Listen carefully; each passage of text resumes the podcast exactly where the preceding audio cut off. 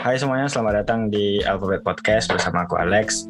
Di episode kali ini uh, kita bakal membahas satu hal yang menarik dan kali ini aku nggak akan sendirian karena aku akan ditemani oleh salah satu narasumber yang mungkin kisahnya bisa menjadi inspirasi buat kita semua.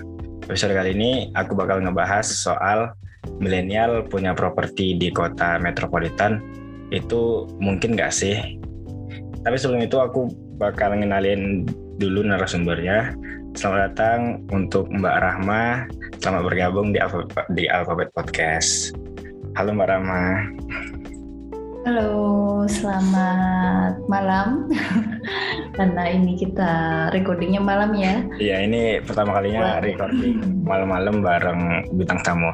Sebelumnya terima kasih buat Mbak Rahma udah uh, nyempatin waktunya mau berbagi kisah di podcastnya aku di Alphabet Podcast Eh, soalnya menarik ya uh, beberapa bulan aku kenal sama Mbak Rama kami follow-followan Instagram dan aku hmm. sempat uh, nge-stalking beberapa insight story-nya dan cukup menarik soal perjalanan gimana Mbak Rahmani uh, meniti mempunyai rumah dan ya kalau untuk sekarang tuh punya rumah di kota metropolitan ya uh, khususnya di Pulau Jawa tuh kayaknya mungkin nggak mungkin sih tapi setelah saya stalking stalking dan saya lihat uh, cukup menarik sih kisahnya.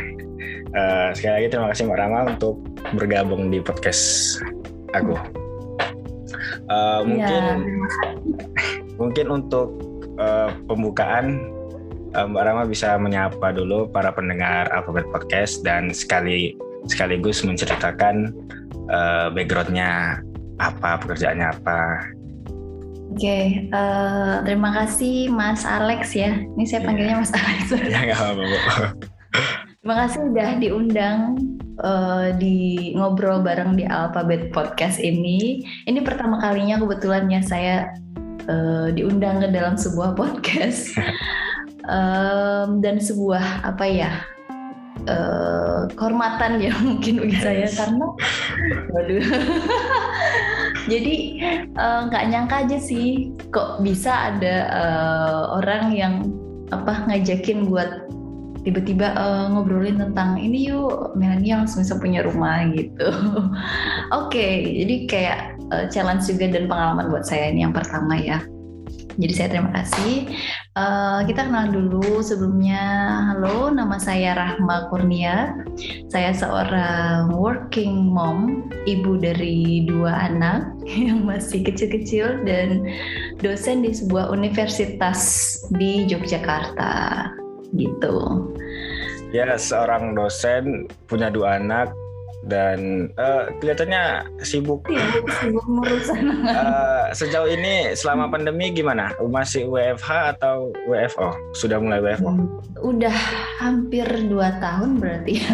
Satu tahun setengah ini masih WFH work from home karena memang dari kebijakan kantor juga dan dari pemerintah kan belum mengizinkan untuk WFO ya jadi alhamdulillah uh, masih bisa di rumah aja juga bisa bersama dengan anak-anak dan masih bisa sambil kerja juga gitu. Jadi ngurus anak dua dan sekaligus kerja di rumah barengannya iya, cukup cukup sibuk. Dan uh, langsung aja mungkin ya. Kayak uh, aku pernah ngelihat di beberapa Instagramnya Mbak tuh kayak menceritakan progres-progres uh, soal pencapaian oh, yang iya. terbesar. Uh, pencapaian terbesar yaitu uh, bisa punya rumah sendiri. Dan menariknya lagi, Mbak ini belum berumur uh, 30 ya, belum 30, 30 ya. Ya, wow. bisa dibilang masih inilah ya, Mas milenial gitu. Milenial ya. Masuk kategori milenial. Uh, bisa ini nggak bisa diceritain nggak gimana awalnya gitu kepikiran uh, planning punya rumah gitu sebelumkah atau sesudah menikah baru diplanningkan atau gimana? Jadi mungkin kemarin Mas Alex lihat di Instagram itu progres ini ya ketika saya renov ya itu iya. jadi sebenarnya uh. adalah renovasi rumah uh, yang mana sebelumnya rumah itu udah kita tempati sekitar dua tahun ya dua tahun setelah saya menikah jadi uh, pertanyaan dari jawaban apakah planning punya rumah ini itu sebelum kah atau sudah menikah? Ya jawabannya sebelum ya sebelum menikah. Jadi uh, ya saya dan suami dulu calon suami ya. Calon suami belum ya, nikah sebelum nih. ya betul betul. Uh, itu kita uh, diskusi dulu nih tentang apa-apa aja yang uh, kita ingin kita capai gitu ya apa yang kita impikan gitu uh, salah satunya adalah dari sisi karir dan tempat tinggal yang mana dua hal ini tuh cukup serius kan bagi ya, kami ya benar-benar itu Nah, ada ada keterikatan juga antara karir dan tempat tinggal itu gitu.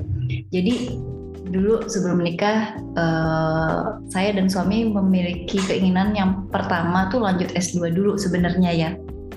S2. Bahkan uh, dulu uh, kami daftar beasiswa untuk S2 itu juga bersamaan dan lulus juga dua-duanya lulus uh, beasiswa S2 di mana beasiswa itu juga ada ikatan dinasnya jadi kalau udah lulus langsung uh, diangkat bekerja di universitas tersebut. Nah, tetapi pada saat itu kami pikir bahwa kalau misalnya nih dua-duanya lanjut studi, maka ada hal yang harus dikorbankan salah satunya adalah tadi ya punya rumah atau tempat tinggal tadi gitu. Hmm. Kemungkinan akan tertunda kan yeah. karena kita sama-sama kuliah S2. Nah, akhirnya uh, apa namanya kita putuskan salah satu nih yang kuliah dulu siapa gitu biar yang satunya uh, fokus di karir atau pekerjaan kayak gitu akhirnya saya saya yang oh, lanjut akhirnya yang lanjut S2 mbaknya hmm, iya betul saya terus uh, suami memulai karirnya di bidang internet marketing gitu dan alhamdulillah diberi kelancaran juga. Jadi uh, bahkan ya kalau kita pikir saat kami ya kami pikir saat ini kayak kok bisa ya gitu. Yeah. Bahkan uh, dulu saya pikir ya yang menurut saya nih kepandaian saya itu biasa-biasa aja gitu.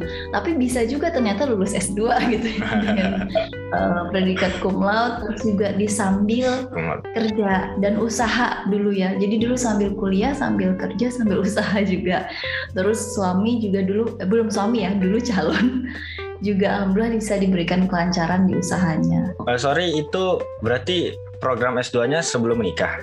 Yes, ya. Yeah, oh berarti uh, apa karir karir dilanjutin buat mbaknya, um, uh, calon suaminya dulu pada waktu itu uh, ngelanjutin hmm. kerjanya dan itu masih semuanya tuh masih planning aja, belum belum menikah kah itu ya, belum nikah ya?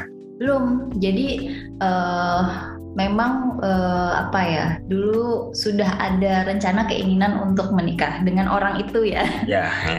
Iya ya, dong. sudah yakin intinya ya. Uh. sudah yakin terus kita diskusi nih uh, planning untuk menikahnya kapan terus apa aja yang harus udah dicapai sebelum menikah itu gitu loh.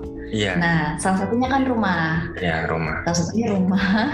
Terus akhirnya uh, pada saat itu tuh kebetulan baru lulus kuliah S1 ya. Jadi uh, kita planning kan, oh kalau misalnya pengen rumah dulu berarti ini kita harus nabung kan. Nah, terus padahal juga pengen S2. Hmm, iya. Jadi kayak si malakama ya. gitu. Jadi ya udah akhirnya salah satu gitu salah satu. Jadi saya kuliah S2 suami fokus di uh, usaha ya. Tapi ketika saya kuliah pun saya juga sambil usaha dan sambil ini juga nyari-nyari gitu nyari hmm. kerja juga gitu ceritanya. Menarik ya saling support dalam apa dalam hubungan tuh keren banget menurut aku. Dan uh, di tahun tahun keberapa setelah menikah baru impian ini tuh bisa terwujud. Dan gimana proses uh, rumah ini belinya tuh langsung kah? Atau ada proses kredit atau gimana nya bisa diceritain mungkin mbak. Jadi justru rumahnya sebelum menikah udah udah kebeli ya. Udah oh, bisa gitu. justru sebelum menikah tuh udah udah nah, udah ada rumah dulu ya?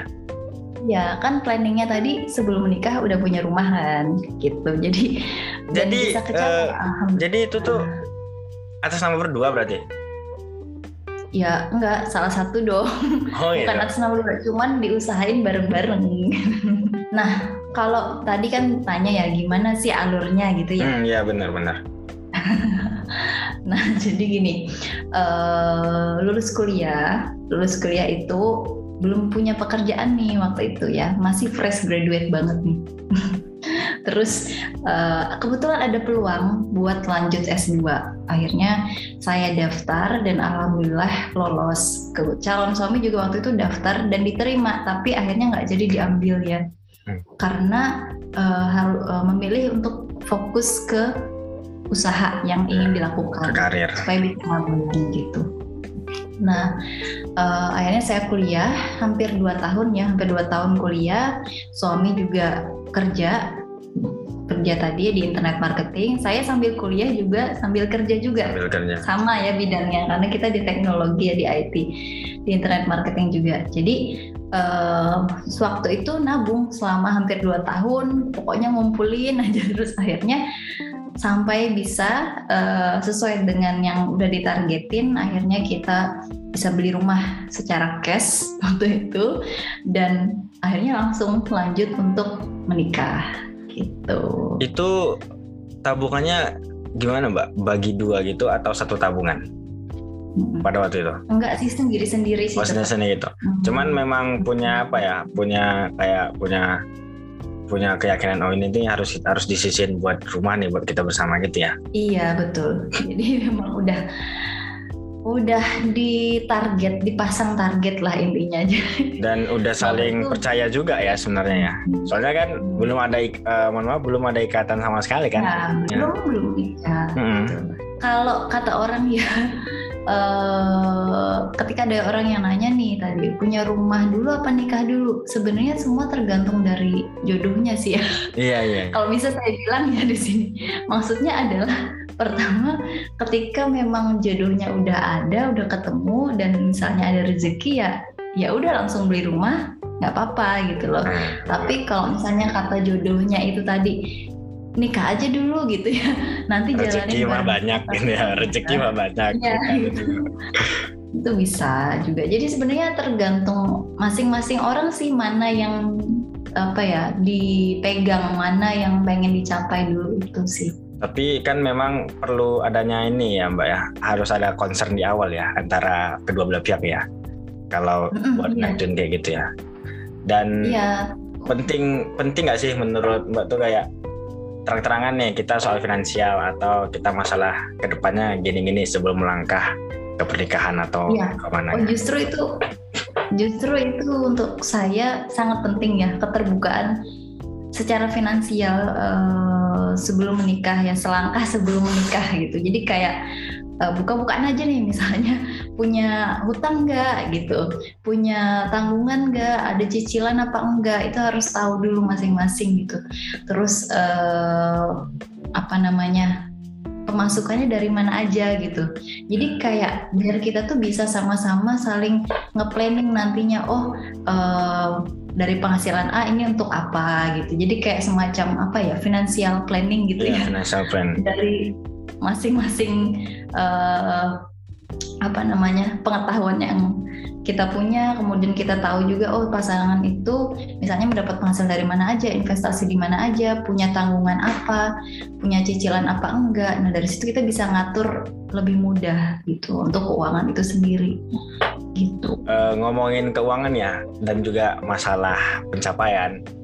Kan sekarang tuh banyak anak muda ya yang kepikiran oh, pengen punya rumah dulu deh uh, pengen berkarir dulu, pengen apa dulu, pengen pencapaian untuk diri sendiri itu ya. tercapai.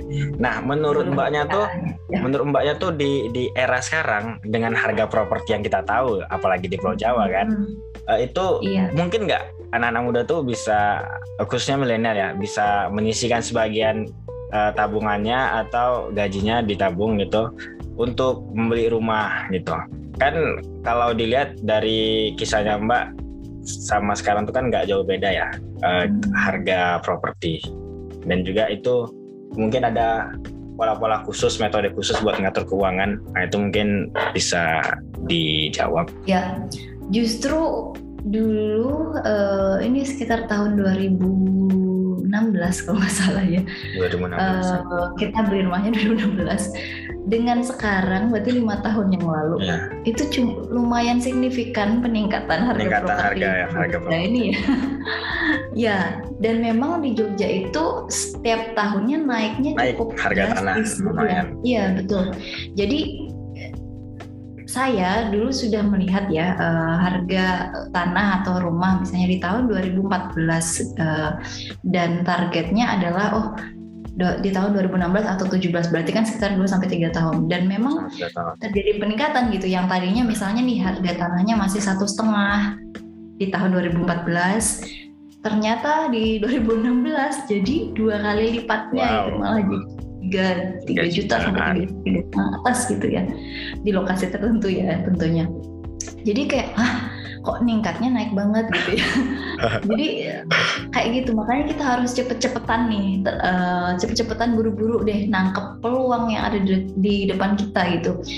Uh, jadi sangat mungkin sekali buat anak muda itu uh, punya properti ya punya rumah di bawah umur 30 atau sebelum menikah ya di era sekarang ini. Itu menurut saya sangat mungkin. Tapi semua itu tergantung sih. Jadi tergantung dari bagaimananya kita memanfaatkan peluang yang ada di depan kita gitu. Apalagi kan sekarang ya karena saya e, bergerak di bidang teknologi ya.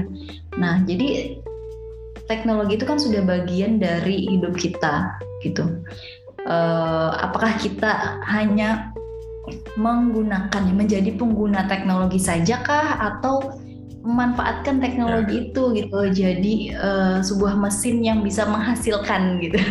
Menghasilkan kayak gitu. Ya. jadi menurut saya itu peluang banget sih apalagi misalnya nih di sini ada anak-anak uh, eh, IT ya anak mahasiswa-mahasiswa.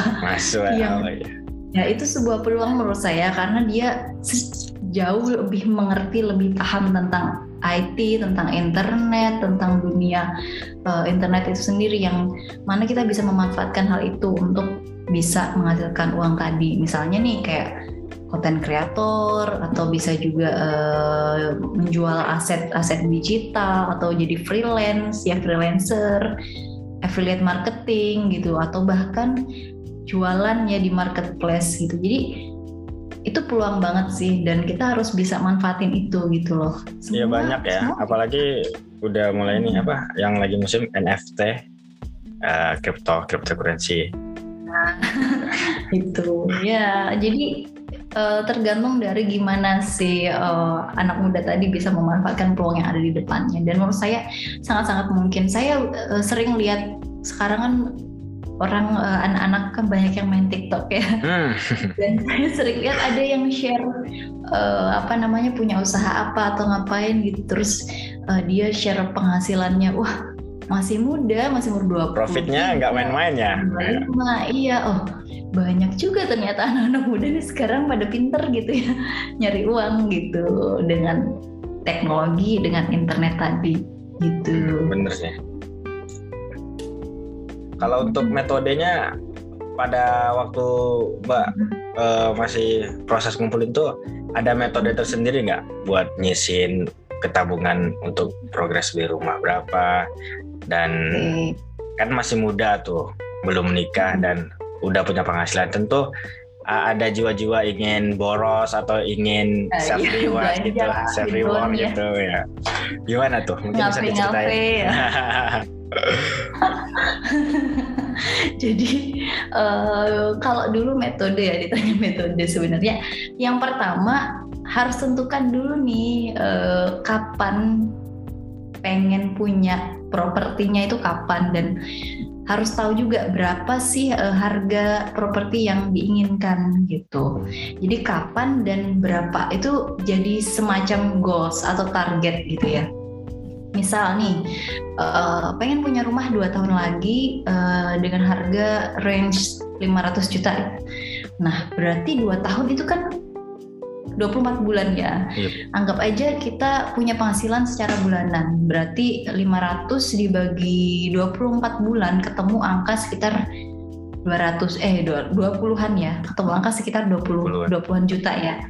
Nah, berarti kan kita harus punya penghasilan lebih dari itu supaya wow. bisa nabung minimal 20 kan per bulannya gitu ya. Nah, kalau dulu uh, karena saya belum punya tanggungan, belum punya cicilan apa pun ya alhamdulillahnya itu juga sebuah uh, privilege ya kalau kata orang sekarang ya. Privilege. Jadi nggak punya tanggungan misalnya kayak harus iya. Nah jadi nggak ada cicilan, nggak ada tanggungan, fokusnya kan bisa cuman satu yaitu kerja kerja atau usaha terus gitu dan nabung gitu. Jadi justru dulu saya belum punya uh, pemahaman tentang pengelolaan keuangan. Hanya uh, dari penghasilan itu yang didapat ya udah langsung diambil aja berapa buat kebutuhan, kebutuhan. yang cukup nah. untuk satu bulan. Sisanya masuk tabungan. Sisanya semuanya masuk tabungan. Oh. Dan uh, ketika sudah bisa nabung secara rutin uh, lumayan uh, jumlahnya lumayan lah ya tabungan itu saya masuk ke masukkan juga ke reksadana gitu. Oh sudah iya. sudah sudah mulai reksadana. Nah itu iya. Jadi ketika sudah uh, lumayan lah ya terus masukin juga ke reksa waktu itu. Uh, jadi cuman ini doang sih metodenya pengelolaannya ya udah dapat penghasilan tabung penghasilan tabung penghasilan tabung gitu nggak ada metode metode metode khusus kayak misalnya apa namanya saham dan sebagainya itu justru nggak paham ya. Yang penting dulu apalagi di Jogja kan murah ya untuk biaya hidup. Iya. Ya udah ambil secukupnya aja buat bisa hidup sebulan makan secukupnya seadanya. Seminimal mungkin ya. Nah betul. Misalnya langsung masukin tabungan gitu. Uh, itu ini enggak punya kendala nggak kayak kendala khusus yang paling hmm. besar gitu? kendalanya sih tentu apa ya di awal sih di awal pas uh, mikirin gimana nih caranya biar punya penghasilan supaya uh, bisa kecapai target tadi ya gitu jadi uh, mikir-mikir-mikir terus nyoba nyoba-nyoba sampai ketemu yang klik gitu sama kita uh, kalau saya kan berarti karena sambil kuliah ya waktu itu nyari nyari uh, pekerjaan atau usaha yang bisa dilakukan sambil kuliah tadi gitu. Terus kedua, ketika sudah punya tabungan yang cukup, kendalanya waktu nyari rumah justru ya. Jadi nyari rumah yang sesuai dengan kebutuhan. Itu juga sulit ya, karena memang nyari rumah itu kan katanya sih sama kayak nyari jodoh. Iya. Cocok-cocokan. Cocok-cocokan, gitu. ya benar-benar. Benar. Jadi ini sampai uh, kami butuh waktu berbulan-bulan ya sekitar 8 atau 9 bulan akhirnya bisa ketemu yang klik gitu jadi eh, nggak uh, bisa tuh misalnya kayak apa namanya kita survei terus langsung langsung ketemu enggak? Oke, okay, gitu enggak juga kan. Ketemu yang bagus, tetangganya nggak bagus. Nah, betul, tetang betul, betul tetangganya bagus, jauh dari pusat kota. nah, kata orang juga nih ya beli rumah itu uh, sama dengan beli lingkungan itu benar iya, banget iya benar sih iya iya itu nggak sekedar kita lihat bentukan rumahnya aja harganya tapi juga lingkungannya gimana sih gitu uh, sekitarnya gimana tetangganya gimana hidup nggak nih lingkungannya gitu kalau ini mbak ngomongin rumah ya kan kebanyakan orang tahu rumah yang punya halaman punya hmm. halaman belakang ada tetangga kiri kanan. Kalau di era hmm. sekarang tuh kan rumah banyak versinya. Apartemen juga bisa dibilang rumah. Nah itu. Iya betul. Uh, ini jadi solusi nggak? Kalau misalnya, tapi apartemen, ya apartemen kan sama tuh. Uh, sistemnya juga bisa kita beli hak guna dalam jangka waktu tertentu kan. Nah itu tuh hmm. bisa ini nggak bisa menjadi pengganti nggak untuk di era sekarang? Kita punya apartemen atau uh, hunian yang hak guna, tapi hak guna jangka panjang, bukan rumah yang uh, punya halaman atau rumah yang orang banyak tahu lah di lingkungan dan tetangga dan segala macamnya. Nah itu gimana? Uh, kalau menurut saya sih tetap bisa sih ya, bisa jadi solusi. Karena apartemen pun juga misalnya itu akan kita tinggalin ya, tapi ke depannya juga sama kan? Itu kan sama seperti properti lain. Jadi tetap bisa misalnya nanti kalau udah nggak ditinggalin juga bisa disewakan atau dijual kembali. Itu sama aja sih menurut saya. Karena hanya bentuknya aja yang berbeda gitu. Hmm. kalau apartemen pun juga kan kita punya tetangga ya punya lingkungan dan mungkin ada uh, beberapa orang yang justru cenderung lebih nyaman di apartemen itu tadi karena apa lebih private. Iya, lebih gitu. private. Jadi, uh, lebih ngerasa aman dan private dalam artian gini, ketika orang uh, mau masuk apartemen itu kan dia harus apa ya ada ada penjaganya kan di iya, depan ya, terus harus naik lift dulu gitu. Jadi kayak safety. kesannya tuh uh, betul kesannya tuh lebih lebih aman lebih safety gitu loh. Nggak sembarangan orang itu bisa masuk ke lingkungan itu gitu. Harus ada ID cardnya harus ada apalah gitu. Jadi uh, bisa jadi jadi salah satu alternatif gitu selain punya rumah uh, yang apa namanya biasa gitu rumah di sebuah lingkungan yang apa kayak di perumahan gitu ya. Iya. Di apartemen kan bisa juga. Tergantung dari si orang itu tadi sih memang uh, pengennya kayak gimana gitu ke depannya tinggal.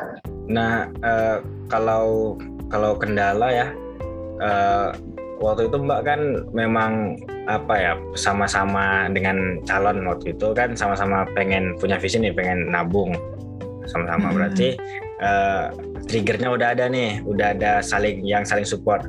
Nah, gimana uh, gimana tipsnya kalau yang memang dia tuh pengen untuk apa self reward diri dia sendiri. Jadi dia pengen punya untuk dirinya sendiri gitu. Hmm.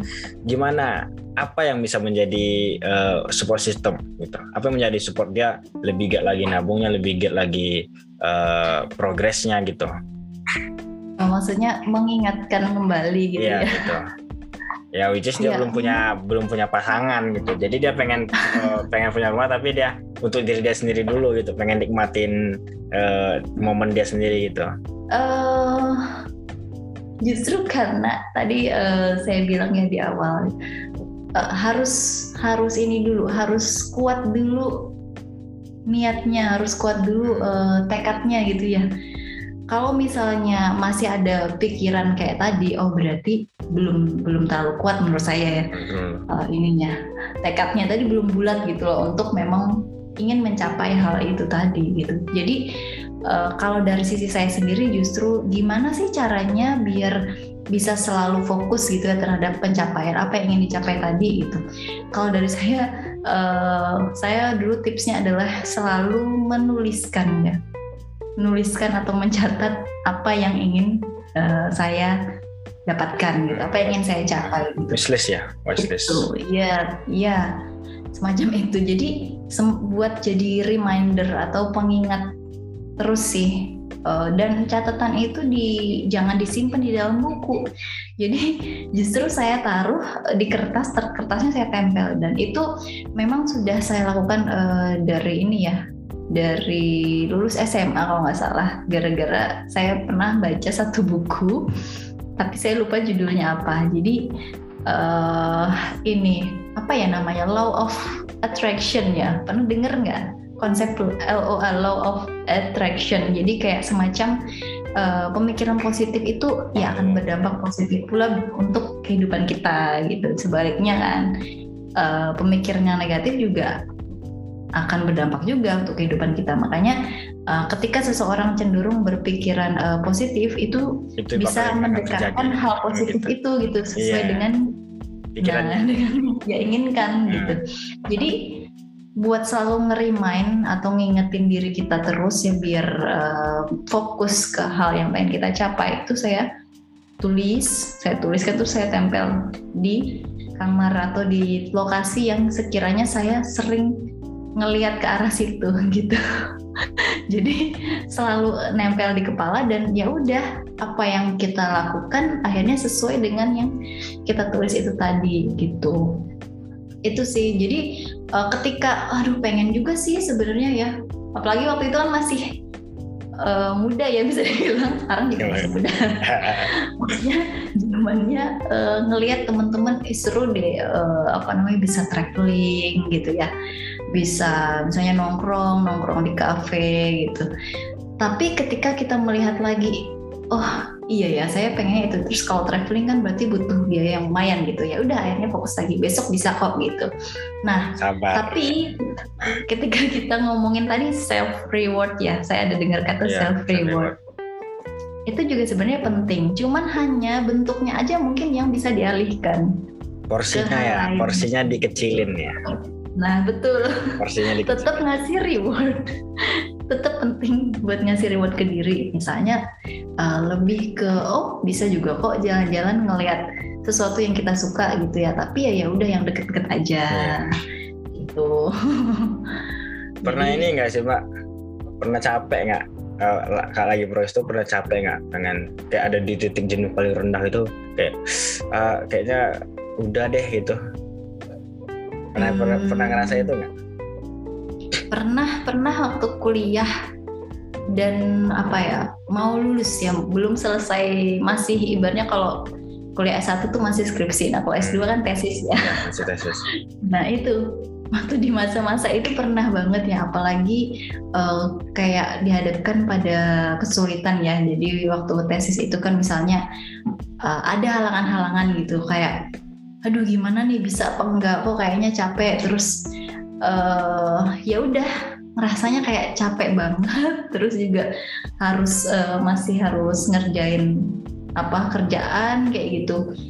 Pernah ada di di poin itu terus uh, ya udah sempet kayak apa ya kayak ngerasa sedih atau mungkin apa ya bisa dibilang uh, putus asa atau bingung gitu ya pernah sih ada tapi hanya sebentar kayak beberapa hari doang. Dan ketika itu ya ya udah berusaha buat uh, tenangin Bangkit dulu lagi. terus kayak ya.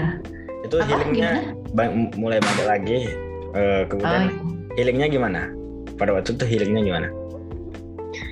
Healingnya uh, nonton film malahan ya. Nonton film motivasi bener.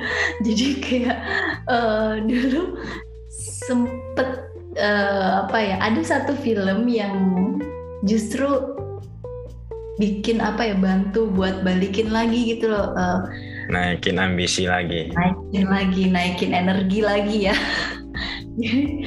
saya nyimpen ya, simpenin film-film yang sekiranya bisa ngasih saya energi-energi positif lagi gitu. Dan ketika saya berada di posisi itu, saya tonton ulang, beneran saya tonton lagi loh.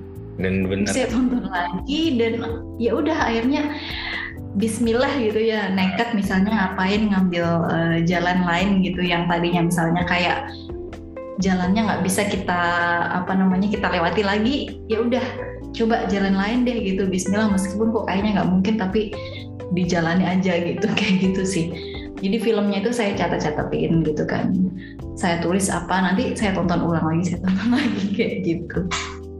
Mungkin cara orang beda-beda kali ya, ya cara orang beda-beda buat healing cuman itu salah satunya.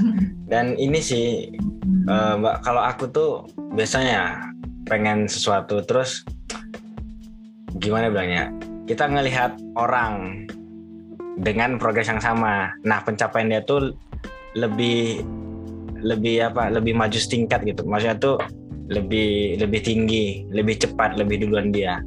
Tentu yeah. uh, kebanyakan ada yang ngerasa lebih ngerasa minder, ngerasa ih dia yeah. kok kok bisa ya, kok bisa sebut kok bisa kayak gitu. Mm-hmm. Nah, itu pernah nggak kayak itu? Dan gimana cara cara kita biar nggak kayak gitu lagi gitu. Hmm. ngelihat Kalau, pencapaian orang. Iya hmm, pernah sih ngelihat orang terus ada rasa ini ya. Kayak kok bisa ya terus kayak ada rasa iri dan sebagainya justru. Nah itu tadi jadi pelajaran sih. Jadi ketika dulu misalnya pernah kayak gitu saya pernah kayak gitu akhirnya jadi kayak justru malah sadar diri gitu uh, oh malah kok saya nggak fokus ke diri sendiri gitu loh malah fokusnya ngelihat orang dan terus nah. ngerasa gagal gitu kan padahal sebenarnya enggak loh jadi uh, harus satu hal yang harus kita tahu adalah setiap orang pasti punya jalannya sendiri-sendiri gitu ya. Benar, ada timeline masing-masing ya, ada ya. ada garis waktunya sendiri-sendiri. Nah, garisnya misalnya meskipun garisnya barengan tapi mungkin hasilnya bisa jadi beda. Ya, ya udah nggak masalah gitu. Dan ketika kita mulai bergeser ngelihat orang, uh, ngelihat tetangga nih, rumput tetangga ngelihat tetangga. jauh berarti kita udah nggak fokus lagi dong sama kita sendiri gitu. Dengan tujuan kita, benar. Nah dari situ justru malah uh, memperlambat, menghambat lagi. Gitu. Jadi harus ya udah biarin aja, cuek aja gitu sama orang gitu nggak masalah. eh, nggak uh, usah lihat orang intinya kayak gitu jadi ketika itu pernah dan dari situ saya justru sadar ih kok malah kalau melihat orang malah jadi ada rasa nggak suka atau malah jadi iri malah jadi kitanya eh, nggak uh, fokus ke diri sendiri malah jadi memperlambat kan gitu hmm. jadi ya udah nggak usah lagi deh ngelihat orang gitu ya nggak usah uh, misalnya kita lihatnya dari Instagram ya udah di unfollow aja gitu kan. Makanya biar nggak skip aja gitu. gitu.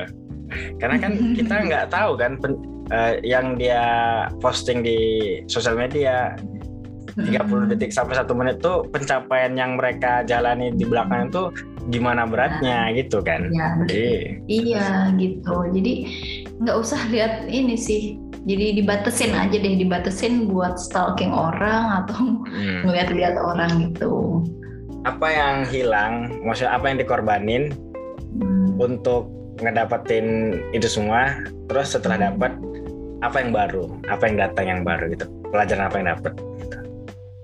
jadi uh, yang pasti ya yang dikorbankan waktu itu untuk mencapai se apa yang diharapkan yang pasti adalah kesenangan dong. Kesenangan dan waktu kalau bisa saya bilang. Waktu masa muda ya benar. Ya, tapi nggak juga. Masa muda kita justru kita pakai untuk hal-hal yang bagus kan juga kan kayak gitu. Nah uh, maksudnya adalah waktu untuk bersenang-senang. Ya kesenangan dan kesenangan dan waktu. Jadi di saat uh, misalnya kayak teman-teman teman-teman seumuran itu misalnya bisa traveling, oh bisa jalan-jalan ke luar negeri gitu ya. Atau misalnya uh, nongkrong makan enak di restoran di kafe gitu. Uh, justru kami ya udah ditahan dulu ditahan dulu deh. Eh, nggak uh, usah liburan dulu nggak apa-apa gitu ya. Misalnya. Karena justru dulu ketika saya libur kuliah itu dimanfaatin buat fokus ke kerjaan gitu Relax. fokus nyari uang gitu ya. Gitu. Uh, dan bahkan pas kuliah pun dulu disambil dulu uh, jualan ya. Pernah juga jualan jualan baju jual macam-macam juga di, dicoba gitu ya sambil belajar. Jadi uh, waktunya ya dipakai waktu untuk bersenang-senang tadi dipakai untuk hal lain gitu. Dan waktu di malam hari pun misalnya kayak orang biasanya dipakai untuk tidur buat istirahat ya bisa dibilang kepotong dikit lah ya buat kerja tadi gitu. Jadi ya yang dikorbankan itu tadi kesenangan dan waktu gitu. Dan alhamdulillah ya ketika kita bisa um, mendapatkannya apa yang kita apa yang saya udah tulis tadi bisa kecapai itu kayak rasanya Hah, ternyata bisa gitu. Jadi kayak ketika nulis itu pun kayak rasanya aduh nggak mungkin deh ini kan susah gitu ya untuk umur segini. Dulu umur saya masih 23 lulus S1 ya. 23 24 ya menjelang 24 24 udah sejauh ini iya. sih apa namanya ah, emang bisa gitu ya dua tahun tiga tahun lagi misalnya bisa kecapai target ini. Dan ternyata ketika sudah dijalani dan bisa tercapai itu rasanya yang wah luar biasa banget gitu. Dan akhirnya tertantang untuk nyoba lagi gitu ya menuliskan lagi harapan-harapan uh, mimpi-mimpi yang lebih besar lagi. Dan justru itu menyenangkan sekali buat saya maksudnya bukan dalam artian eh masa mudanya hilang nih buat uh, dipakai buat kerja mulu gitu kapan senang-senangnya. Tapi justru itulah hal yang menyenangkan yang saya lakukan gitu ya dulu. Karena bisa jadi nih kita kayak gitu ya uh, sekarang di masa muda kayak gitu nanti ke depannya pasti uh, akan apa ya merasakan hal yang lebih lebih nyaman lagi gitu loh. Jadi sekarang nggak apa-apa lah kita agak susah sedikit yeah, gitu. Nggak apa-apa. Iya. Nanti kita dapat manisnya gitu. Sama kayak kayak ini kalau kalau aku tuh mikirnya kan tadi Mbak ada bilang Mas mudanya habis buat waktunya tuh buat kerja jualan segala macam. Bisnis itu kan kerja emang kerja keras banget ya kerja keras banget. Dan sekarang itu dipatahin dengan orang-orang bilang nggak telah nggak perlu kerja keras yang penting kerja cerdas. Dan hmm. dan itu sebenarnya kalau kalau dari aku pribadi itu tuh kayak nggak ada nggak akan ada kerja yang cerdas kalau sebelumnya cerdas. tuh sebelumnya tuh nggak ada kerja keras. Iya nggak? Gitu nggak sih? Yes. ya benar ya, kan? iya betul. Bener banget bener banget. Jadi memang uh, sebelum ada masa kerja cerdas kita harus melalui dulu sih. Kalau dari saya sendiri ya memang harus melalui dulu proses tadi. Dan proses tadi itu ya kerja kerasnya itu tadi. gimana sih caranya biar kita bisa mendapatkan uh, pekerjaan yang lebih cerdas lagi ke depannya gitu? Kan kayak misalnya nih Alex aja nih sekarang kuliah ya bisa dibilang yeah. masih ya. Ya. Yeah, nah kuliah dengan benar misalnya dengan apa namanya uh, benar-benar nyari tahu peluang misalnya ikut banyak ikut workshop atau banyak nyari koneksi itu kan kayak kerja keras juga kan? yeah. salah satu kerja keras yang menurut saya jadi uh, gimana caranya apa yang dilakukan Alex sekarang itu besok ke depannya biar bisa kerja cerdas gitu loh pengalaman belajar dari pengalaman ya. Iya di awal diawalin dengan itu tadi usaha-usaha kecil tadi. Misalnya ketika masih kuliah itu itu tadi misalnya kayak kuliah dengan baik bangun portofolio bangun relasi gitu. Kayak gitu. Jadi lebih baik usia mudanya kerja keras, jualan hmm. segala macam, apa pun dilakuin demi dapat uang daripada setelah menikah atau ke depannya kerja keras. yang dilakuin. Malah itu yang kerja keras malah. malah jualan yeah. malah segala macam. Ya nggak apa-apa. Cuman kan kenapa iya. nggak dari dari dulu gitu kan? Betul. Maksudnya start lebih awal lebih ya, bagus. lebih awal. dari situ kita jadi belajar banyak hal sih. Hmm, belajar banyak hal. Dan ya untuk sekarang tinggal ingat-ingat momennya aja lagi ya. Tinggal ingat momen. Sebenarnya kangen pengen pengen kayak gitu lagi. Uh, cuman belum apa namanya belum deh itu. Uh, alhamdulillah sekarang karena sudah uh, bekerja di apa namanya di kantor ya bisa dibilang ya. Jadi ya udah fokus di situ dulu aja hmm. gitu. Dan ini nggak sih mbak ngerasa tenang nggak sih? Uh, maksudnya tuh ini ngera ini pencapaian yang salah satu pencapaian terbesar kan? Uh, se sejauh ini buat mbaknya kan? Yeah punya rumah salah satu pencapaian pencapaian terbesar hmm. dan itu tuh hmm. ngerasa tenang ngerasa tenang apa gimana ngerasa hmm. tenang nggak setelah semuanya iya tentu iya banget malahan ya jadi uh, apa ya punya rumah sudah ketika sudah menikah tentu itu sebuah ketenangan tersendiri ya dan kita dan ini finansial apa finansial bebas finansial, maksud tidak ada cicilan atau tanggungan masalah rumah. Nah, ya. financial freedom namanya. bisa iya, dibilang ya, ya kalau punya rumah udah bisa dikatakan financial freedom ya. Ya, salah satunya sih nggak ada cicilan KPR ah, gitu. Ya, KPR itu. ya betul. Jadi kenapa itu salah satu alasan sih kenapa dulu saya dan calon suami ya memutuskan pengen punya rumah dulu sebelum menikah karena salah satunya itu nggak pengen ada cicilan buat KPR atau misalnya harus tiap tiap bulan atau tiap tahun kontrak bayar kontrakan iya. gitu ya dan mumpung waktu itu uh, kita belum punya tanggungan maksudnya harus membiayain keluarga misalnya atau uh, kalau misalnya udah menikah kan punya anak nanti yeah. harus kalau misalnya pengen punya anak ya itu kan harus membiayain uh, untuk anak dan lain-lain kan. Biaya nah, pendidikan segala macam. Nah, nanti macam-macam lagi kalau udah punya anak biaya uh, lahiran, sekolah dan lain-lain itu kan tambah banyak otomatis. Oh ya udah, uh, mumpung masih uh, kita membiayai buat kita sendiri, nggak ada salahnya pasang target buat bisa punya rumah dulu gitu loh sebelum menikah dicoba dulu aja gitu ya ya sambil itu tadi uh, apa namanya kalau saya sambil kuliah kalau suami memang fokus ya fokus. di karirnya gitu. Jadi ya udah fokus aja gitu. Dan satu lagi sih menurut saya ini ini kayaknya apa namanya tips atau apa ya bisa dibilang jadi uh, kiat, kiat. ada dua dua hal yang bisa dipilih nih dua hal yang bisa dipilih. Buat teman-teman yang pengen punya properti di bawah umur 30 ya. Jadi yang pertama adalah harus memilih dulu ya sebenarnya uh, yang pertama dari sisi karir nih. Karir yang dipilih itu apakah uh, bisa membantu teman-teman untuk mencapai keinginan tadi ya punya properti tadi gitu. Nah kalau misalnya karirnya itu misalnya nih cita-citanya pengen banget uh, jadi apa ya saya sendiri ya jadi dosen misalnya. Itu kan salah satu karir yang pengen saya saya dapatkan juga. Nah karirnya pengen jadi dosen tapi punya rumah juga penting gitu ya dua hal ini ya. Nah ternyata uh, setelah nyari tahu oh gaji dosen segini sedangkan harga rumah segini gitu. Kayaknya dalam waktu 2-3 tahun agak susah nih buat nabung kan? Ya, buat bisa kayak gitu. Ya.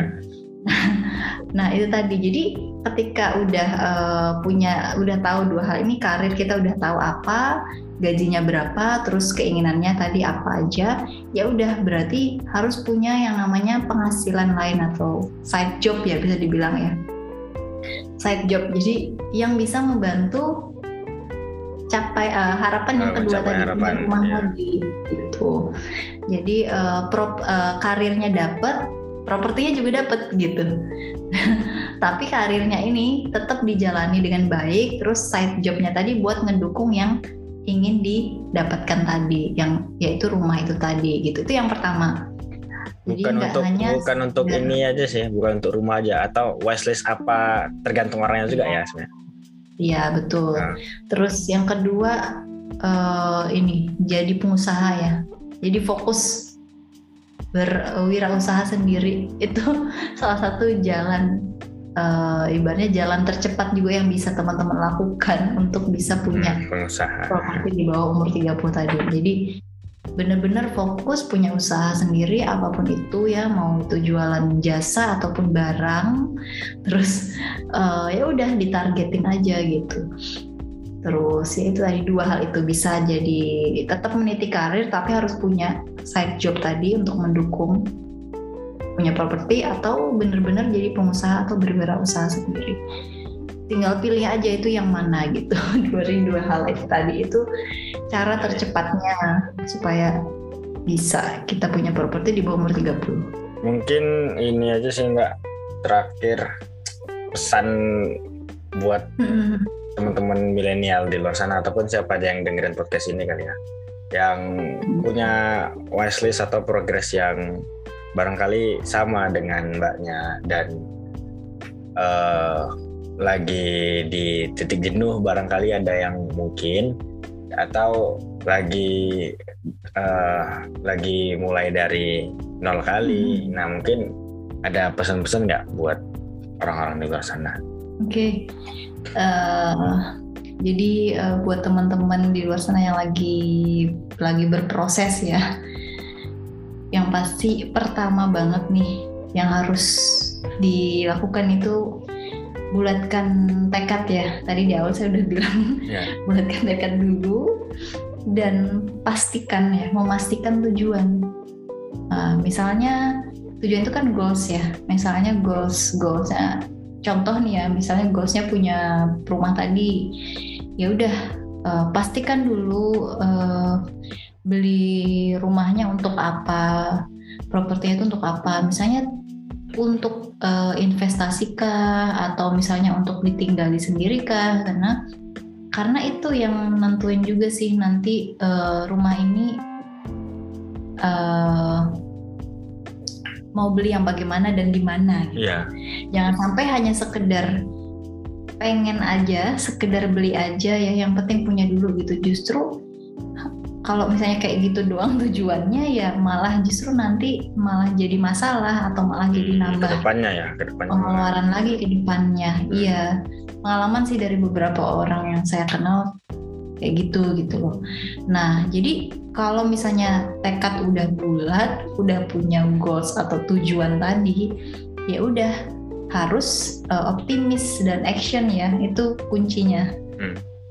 jadi uh, tadi saya juga udah sempat bilang LOA ya Law of Attraction gitu. Jadi uh, konsep uh, pemikiran positif berdampak positif pula bagi kehidupan. Benar, benar, benar.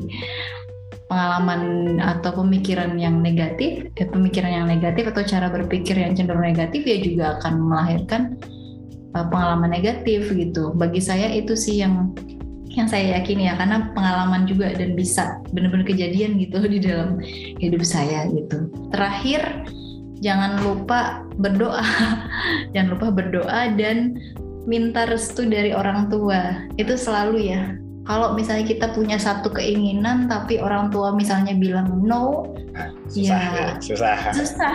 Ya, justru malah orang tua itu salah satu Kunci. ibaratnya pintu ya.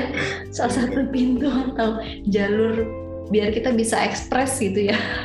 Doa dari orang tua kan. Jadi kalau orang tua ngasih restu dan mendoakan nah itu hmm, udah tuh. insya Allah lancar lah jalan kita gitu Nah, satu lagi nih yang sering dilupain anak-anak milenial atau anak, anak muda ya. Ingat kesehatan hmm. juga gitu. Yeah. Jadi benar-benar uh, asik ya, kerja bener. keras begadang rumah kebeli eh, nah. eh kita eh nah, benar, benar. bisa menikmati hasilnya yeah. dong. Iya kan? Kesehatan, kesehatan tetap harus diperhatiin. Itu yang sering lupa ya.